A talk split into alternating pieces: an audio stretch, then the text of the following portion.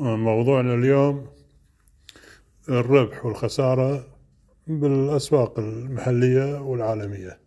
وتشمل الأسهم المحلية تشمل الأسهم العالمية تشمل الفوركس العملات الأجنبية وتشمل الكريبتو وغيره. أي شيء تتداوله وفي جمهور من الناس يتداولونه شلون الناس قاعد تربح وتخسر.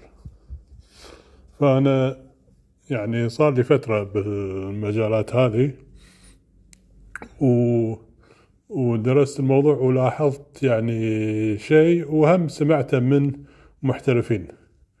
الشطارة مو بالربح.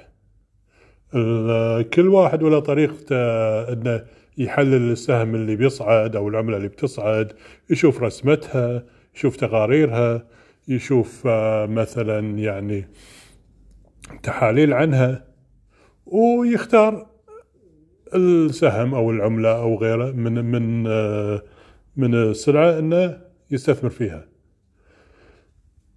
وايد ناس يقدرون يختارون ويطلع يعني اختيارهم إذا كان صحيح يكمل ويربح وإذا كان غلط هني الخطورة هني المشكلة.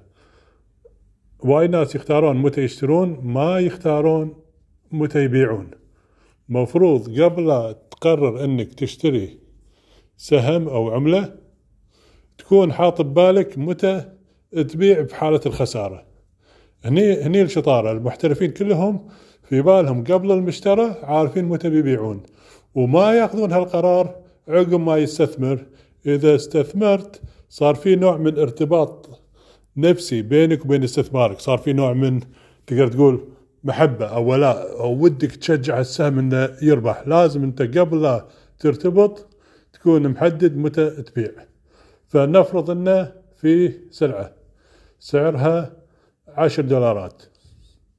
وطبعا تحاليلك وشذي تقول لك إن هالعشرة بتصير 15 بعد شهرين. فقبل لا تشتري هالعشر دولارات لازم أنت تكون مقرر شنو السعر المناسب اللي تطلع منها. ووايد ناس يقول يعني مثلا يفكرون إن السعر المناسب هذا إذا نزل سعرها عشرة من مية. معناته أنا شريتها بعشرة وإذا تحاليلي ما نفعت راح أبيع على التسعة. المحترفين ما يأخذون العشرة من مية عشرة من مية كبيرة عليهم. المحترفين نسبة الخسارة اللي يتحملونها بين اثنين لثلاثة من مية ما مو أكثر. وش الفكرة منها؟ أن إذا كان اختيارك غلط من البداية أنت طالع منها من البداية. إذا كان اختيارك صح كملت وياك. فالشطارة هني مو بأنك تسوي فلوس وتبني فلوس. الشطارة هني أنك تحافظ على على كاشك على فلوسك. لأن إذا ما عندك الكاش أو ما عندك الفلوس أو تحملت مثلا من مية بسهم مثلا عشان ترجع فلوسك لازم السهم يصعد 100 من 100 مرة ثانية خلينا نقول شريت سهم ب 10 دولارات.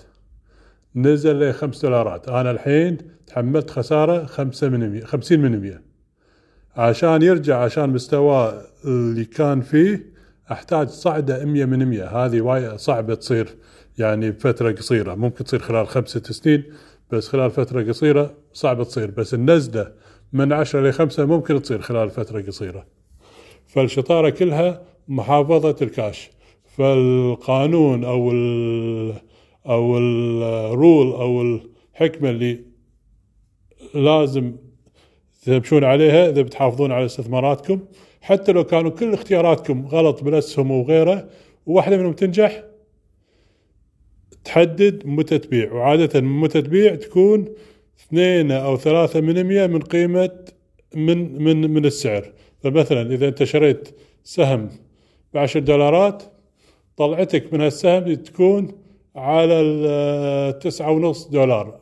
أقصى أقصى شيء. أكثر من كذي عقب التسعة ونص دولار. إذا نزل أكثر أنت أنت بايع وطالع. وتكون مقرر هالشيء قبل حتى تشتري. فموفقين إن شاء الله.